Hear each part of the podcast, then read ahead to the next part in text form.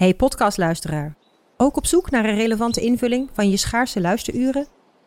Tune dan in op de podcastserie ESG, even samengevat van BNP Paribas. Wij, Marloes en Aldert, spreken daar duurzame voorlopers en wereldverbeteraars. Waarover dan? Nou, bijvoorbeeld of we ooit duurzaam kunnen gaan vliegen. En waarom koeien in de stad nou een goed idee is? Dat en meer elke twee weken in een nieuwe aflevering. Dus abonneer je. ESG, even samengevat. Al 125 jaar kwaliteit voor jou thuis met Miele. Dat vieren we met jou. Ontvang nu tijdelijk een cashback tot 125 euro op veel Miele-apparatuur. Geniet van de kwaliteit van Miele. Voor perfect verzorgd wasgoed en kleding die veel langer mooi blijft. Voor een stralend schone vaat, even perfect als jouw diners. En een stofvrij thuis waarin echt hygiënisch schoon de standaard is. Check miele.nl voor alle feestelijke aanbiedingen.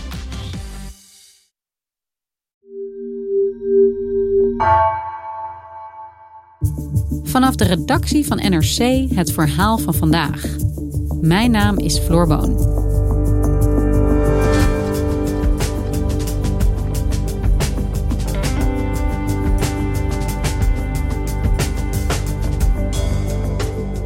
Dagenlang niet douchen, geen eigen bed en ratten die door de cel lopen. Het gevangenissysteem in België is berucht en staat internationaal zelfs bekend als onmenselijk. Daar wil de Belgische regering verandering in brengen. Correspondent Anouk van Kampen neemt ons mee naar het kleinschalige detentiecentrum dat als model dient voor nieuwe gevangenissen in België. En daar gaat alles net wat anders dan je zou denken.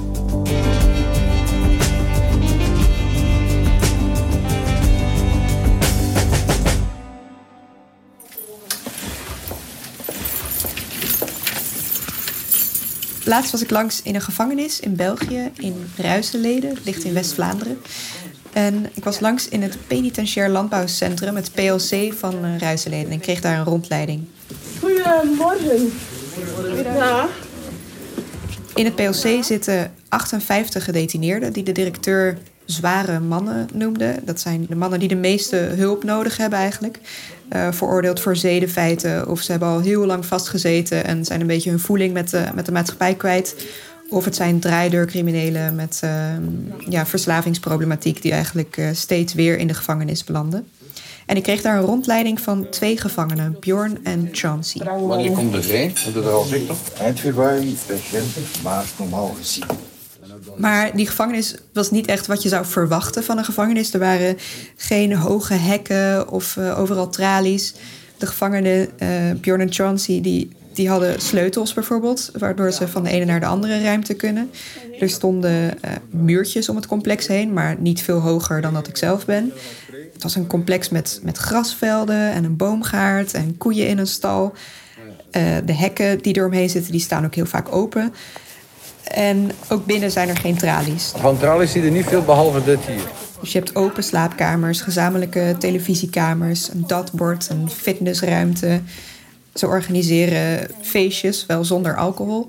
Dus ja, het is eigenlijk totaal niet wat je zou verwachten van een, uh, van een gevangenis. Tot nu toe is dit het enige detentiecentrum uh, met dit model in België. Maar dit moet eigenlijk de toekomst worden van het gevangenissysteem in België dat nodig toe is aan vervanging. Dit klinkt ja, inderdaad niet als een gevangenis, zoals jij zegt, maar als een plek waar mensen met elkaar samenleven. Jij zegt dat het gevangenissysteem in België toe is aan vervanging. Hoe ziet dat er op dit moment uit? Het gevangenissysteem is vergelijkbaar met wat je in de meeste landen hebt. Dus uh, klassieke gevangenissen, grote gebouwen waar mensen in cellen achter slot en grendel worden geplaatst. Heel anders dus dan dit centrum. En op dit moment worden op die manier bijna 11.000 mensen in, in klassieke gevangenissen vastgehouden in België. Je zegt een soort klassiek systeem, misschien zoals we dat dan ook in Nederland kennen. Maar wat gaat er dan precies verkeerd in België? Ja, het systeem loopt een stuk minder succesvol dan, uh, dan in Nederland. De gevangenissen in België kennen eigenlijk al sinds de jaren 80 aanzienlijke problemen. Ze zijn er ook al meermaals voor op de vingers getikt vanuit Europa. Het Anti-Folter-comité, het CPT van Europa, heeft in de rapporten regelmatig geschreven dat het uh, onmenselijk en vernederend is uh, wat er allemaal gebeurt in Belgische gevangenissen. De Belgische regering komt binnen 24 uur bijeen overleg over de toestand in de gevangenissen. Afgelopen nacht kwamen gedetineerden in opstand in een gevangenis in het Vlaamse Merksplas. De gevangenen protesteerden tegen hun behandeling. En je kan eigenlijk ja, onderverdelen in vier grote problemen die er zijn in, uh, in de Belgische gevangenissen. De gebouwen zijn heel oud, soms echt nog uh, uit de 19e eeuw. Um, vervallen, niet goed onderhouden. Daardoor zit er bijvoorbeeld schimmel op de muren. Of in sommige gevangenissen lopen zelfs ratten rond. In de gevangenis van Forst, een van die oude gevangenissen, moeten momenteel 70 gedetineerden gebruik maken van één toilet omdat alle leidingen verstopt zijn. Dus dat is een probleem. Daarnaast zijn ze overvol. Um, er zijn veel te veel gevangenen die in te krappe cellen bij elkaar moeten zitten. Uh, vaak bijvoorbeeld met z'n drieën in één cel die voor maximaal twee bedoeld is, waardoor mensen op een matras op de grond slapen. Er hebben ook regelmatig Belgen in Nederlandse gevangenissen gezeten, omdat er geen plek meer was in België. En door die overbevolking zijn de cipiers eigenlijk overbelast. Er is een gebrek aan cipiers die ook nog eens voor meer mensen moeten zorgen. Uh, en die gaan daardoor heel vaak staken. There have been dramatic scenes in Brussels with striking prison wardens bursting into the Belgian Justice Ministry building. Baton wielding riot police had to force them out. Met als gevolg weer dat uh, gedetineerden dagenlang binnen zitten in hun cel, uh, niet kunnen luchten, niet kunnen douchen, te laat hun eten krijgen. En dat gebeurde bijvoorbeeld ook in de zomer, dat ze in een bloedhete cel zitten waar een open toilet in zit. En daar dus 24 uur per dag in zitten. En dan is er tot slot nog psychologische hulp, die is eigenlijk ook heel vaak niet beschikbaar. Uh, ook niet voor gedetineerden met een geestesstoornis, die best wel vaak worden opgesloten in een gewone gevangenis, omdat er ook een gebrek is aan uh, gespecialiseerde plekken in uh, psychiatrische gevangenissen. Dit klinkt wel heel erg extreem allemaal. Goed, als je het hebt over straf, een van de kernen daarvan is vaak vergelding. Uh, maar tegelijkertijd is het tegengaan van recidive, dus dat mensen opnieuw de fout ingaan, ook een belangrijk component van straf. Hoe staat het met die recidive in België in zo'n ja, totaal overbelast systeem dat jij hier schetst? Ik heb gesproken met de minister van Justitie, Vincent van Quickenborne. En die vertelde me eigenlijk dat er geen exacte cijfers zijn van recidive in België. Uh, u zult mij zeggen, als goede Nederlandse, wat zijn de cijfers? Dan moet ik u zeggen, ik weet het niet. We hebben zelfs geen recidive monitor in ons land. Nu pas gaan we dat ontwikkelen. Maar het is wel duidelijk dat er een probleem is. Want ze weten dat 50 tot 70 procent van de gedetineerden ongeveer eerder vastgezeten heeft. De studies wijzen op dat we toch op recidive zitten van 50, 60, 70 procent. Dat is verschrikkelijk. Dat we zeggen dat mensen eigenlijk in de gevangenis nog slechter worden dan dat ze erin gegaan zijn.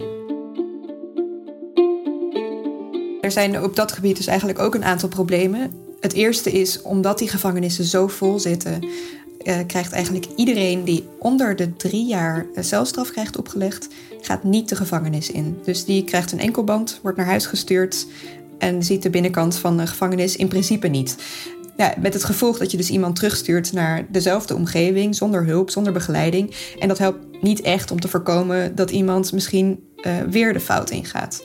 Aan de andere kant, de mensen die in de gevangenissen zitten, die krijgen dus weinig begeleiding. En als die naar buiten komen, zijn ze dus eigenlijk slecht voorbereid op wat ze daar te wachten staat.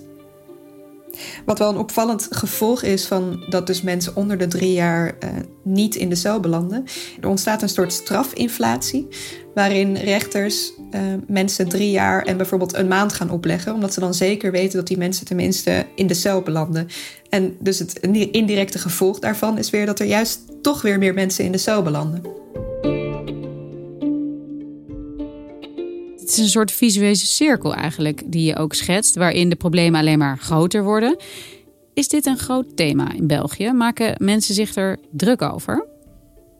Ja, het, het belandt in het nieuws. Je hoort erover. Maar uiteindelijk verandert er al jaren weinig. En deze maand zag je ook dat de cipiers weer aan het staken waren. Dat er weer nieuws naar buiten kwam over gevangenissen waar uh, een hele vleugel van één douche gebruik moet maken. En de minister zei ook eigenlijk van ja, je wint er geen stemmen mee. Het interesseert de meeste mensen niet. Het is een soort vergeetput, het gevangenissysteem. En daardoor is het, is het best wel lang blijven liggen. En hij zei ook, ja, dat is onterecht. Want uiteindelijk een slecht, los voor de mensen zelf, uh, dat het niet zo menselijk is, zorgt een slecht draaiend gevangenissysteem er ook voor dat er meer onveiligheid is. Dus een jaar geleden is een nieuw kabinet aangetreden. En daar hebben ze besloten, we gaan er iets aan doen. We gaan weer uh, meer investeren in justitie en ook in het gevangenissysteem. En dus nu is er voor het eerst echt een uitgebreid plan bedacht om structureel iets te doen aan de problemen die er zijn. En wat is het plan? Hoe willen ze dit gaan oplossen of in ieder geval aanpakken? Ze hebben meer budget uitgetrokken. Er is dit jaar al bijna 36 miljoen euro meer beschikbaar voor het gevangenissysteem dan vorig jaar. En er is eigenlijk een hele lijst uh, vernieuwingen aangekondigd. Een van de voornemens is om het strafwetboek aan te passen. Daarin ligt nu heel erg de focus op uh, gevangenisstraffen. En ze willen meer gaan focussen op alternatieve straffen, zoals werkstraffen of boetes.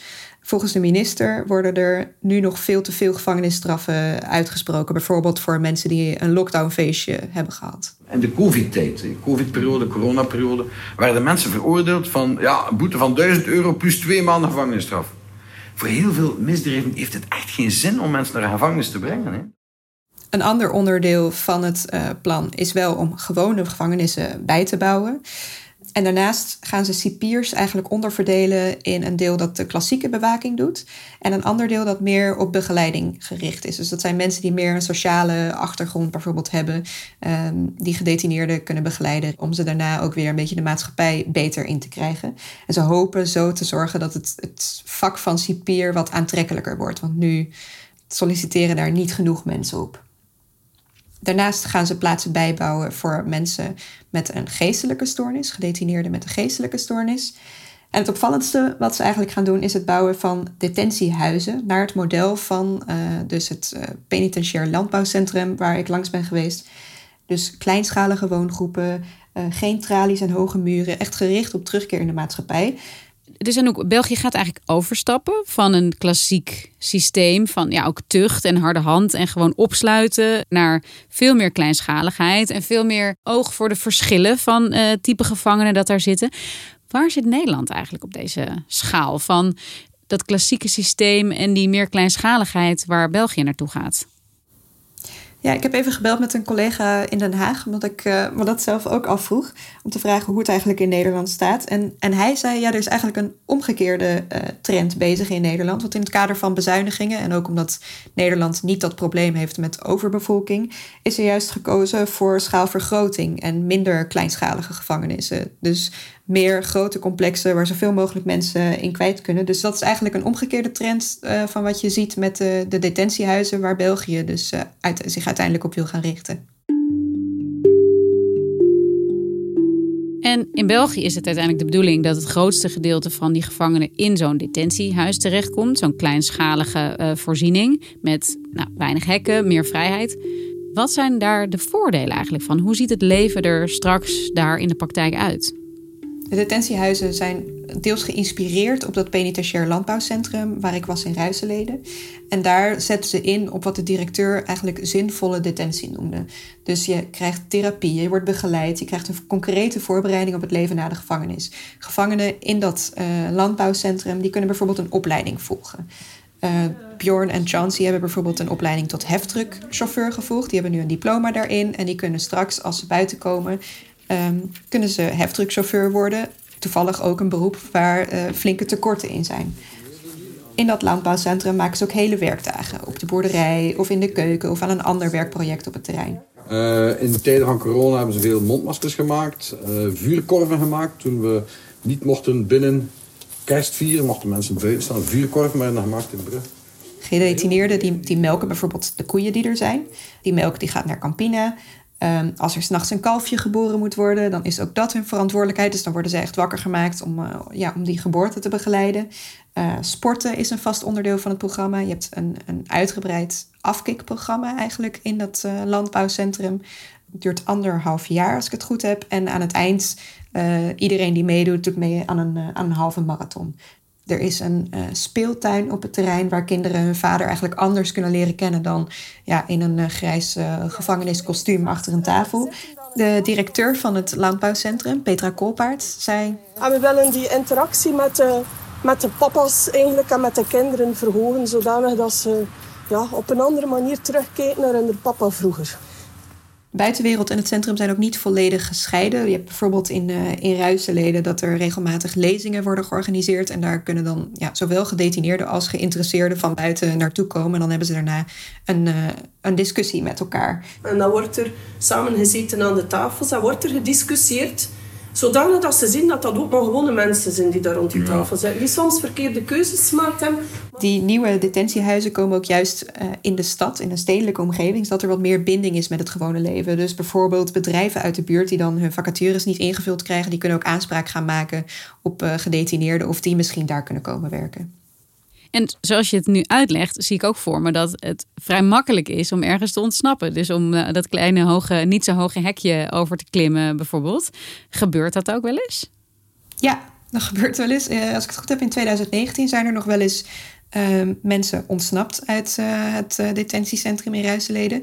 Maar ja, Chauncey, die ik daar sprak, die zei van ja, het kan wel, maar we hebben er allemaal niet zoveel aan. Want het gevolg is dat je terug moet naar een gewone gevangenis. En misschien wel extra straf krijgt opgelegd. Dus eigenlijk plaats je jezelf nog verder achteruit. En dus eigenlijk relatief gezien, voor ja, hoe makkelijk het theoretisch is om te ontsnappen, gebeurt het best wel weinig, omdat ze weten wat de gevolgen daarvan zijn. En dit gaat dan over een groep die ook kan worden aangesproken op de eigen verantwoordelijkheid. En dus ook inziet dat uh, ontsnappen niet in hun voordeel is. Maar hoe zit het met de echte ja, uh, staatsgevaarlijke criminelen of met terroristen bijvoorbeeld? Kunnen die ook terechtkomen in dit soort voorzieningen? Ja, dat vroeg ik ook aan de minister, want daar, was ik ook wel benieuwd naar. En ja, hij heeft daar nog geen uh, pasklaar uh, antwoord op. Het is iets voor op de lange termijn. Maar hij zei. Wat ik hoor is dat 80% van de mensen geschikt zijn voor een detentiehuis, 20% van de mensen niet. Er blijven altijd mensen, uh, 20% die daar niet geschikt voor is. En dan ja, noemde hij als voorbeeld seriemoordenaar Marc Dutroux, waar de meeste Belgen dan meteen aan zullen denken van nou mag hij in een chill um, detentiehuis gaan zitten. Dat is niet de bedoeling. Maar hij zegt ja, 80% is daar, uh, kan daar wel gewoon heen. Ja, het klinkt heel ideaal uh, en ook als maatwerk. Is dit dan ook echt de oplossing voor die problemen die België heeft met het hele gevangenissysteem? Onlangs werd dus bekend dat het eerste detentiehuis in het West-Vlaamse Kortrijk opent. En ja, dat is wel een hele grote, belangrijke eerste stap in de vernieuwing die eraan zit te komen. Uh, maar je moet het wel op de lange termijn zien. Dus uh, ze willen tegen 2050 willen ze eigenlijk dat 80% van de gevangenen in een detentiehuis komt in plaats van uh, in, een, in een gewone gevangenis. Dus stel je voor, het is nu 2050, dan weten we uit eerder onderzoek wel dat die detentiecentra ervoor zorgen dat er veel minder recidive is dan in een gewone gevangenis. Dus in die zin gaat het helpen om mensen um, waarschijnlijk beter te begeleiden en minder vaak terug te laten keren in de gevangenis. Maar als je kijkt op de korte termijn, ja, duurt het wel even voordat dit hele plan daadwerkelijk in werking treedt. Dus voor de overbevolking ja, gaat het echt nog wel even duren voordat die is opgelost. De minister plaatste daar ongeveer um, ja, tien jaar op. Hij zei over tien jaar hebben we de overbevolking wel onder controle. Het is logisch, als je er nu pas echt heel actief aan begint, dat het allemaal wel even duurt voordat het uh, zover is. Maar je kan je voorstellen dat dat ja, voor de mensen die nu in de gevangenis zitten, en dan bedoel ik zowel gedetineerden als cipiers, uh, niet snel genoeg komt. Nee, dus het is ook een kwestie van de lange adem. Um, voor de gedetineerden klinkt het wel alsof hun omstandigheden erop vooruit gaan. Wat vinden de Belgen hier eigenlijk van? Is het politiek überhaupt nog omstreden geweest om deze veranderingen door te voeren? Of omarmt iedereen deze plannen van de minister? Eigenlijk is het er opvallend weinig over gegaan. Uh, de laatste tijd heb ik wel weer meerdere keren nieuws gezien over, uh, um, over de problemen in de gevangenis. Maar het gaat eigenlijk relatief weinig over deze plannen. Misschien ook wel omdat ze ja, uiteindelijk wat verder uh, in de toekomst liggen. Dus het is ook nog niet zo omstreden. Het is niet dat, dat er uitgebreid debat over is geweest in de Kamer. Wat je wel merkt is dat op de plekken waar die detentiecentra gaan komen... of waar ze die willen plaatsen... dat mensen het er wel moeilijk mee hebben. Dan zie je een beetje het not in my backyard fenomeen. Mensen denken allemaal leuk en aardig, die detentiecentra. Maar ik wil, ik wil ze niet als buren hebben. Uh, en dat het dus toch best wat moeite kost om de buurt te overtuigen om zo'n uh, centrum daar te plaatsen. In Kortrijk is bijvoorbeeld behoorlijk wat uh, buurtoverleg uh, nodig geweest om de mensen zover te krijgen om, uh, om het detentiecentrum daar te plaatsen. Maar het is ook wel bewust dat het eerste er in Kortrijk is gekomen. Want de minister van Justitie, Vincent van Quickenborne, is ook burgemeester van Kortrijk. Dus hij zei zelf ook: ja, ik wil het goede voorbeeld geven. Ik ben er echt van overtuigd dat eenmaal het functioneert ben ik ervan overtuigd dat mensen uit de buurt vrijwilliger zullen worden in het detentiehuis. Ik ben ervan overtuigd dat dat een heel boeiend experiment wordt. Ja. Waar we binnen hier een tien jaar gaan zeggen, tja, dat was het begin van iets nieuws. Als we het hebben over het gevangenissysteem, moeten we dus eigenlijk over een paar jaar nog een keer terugkeren en dan kijken hoe het ook in de praktijk gaat uitpakken. Absoluut. Ik ben heel benieuwd of dit uh, ja, de komende jaren ook uh, effectief uh, in werking gaat treden en, en hoe het gaat uitvallen. Dankjewel, Anouk. Jij bedankt. Je luisterde naar vandaag, een podcast van NRC.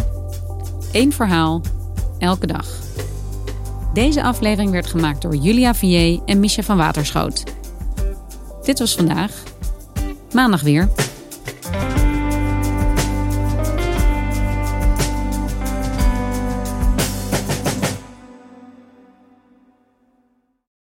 Technologie lijkt tegenwoordig het antwoord op iedere uitdaging.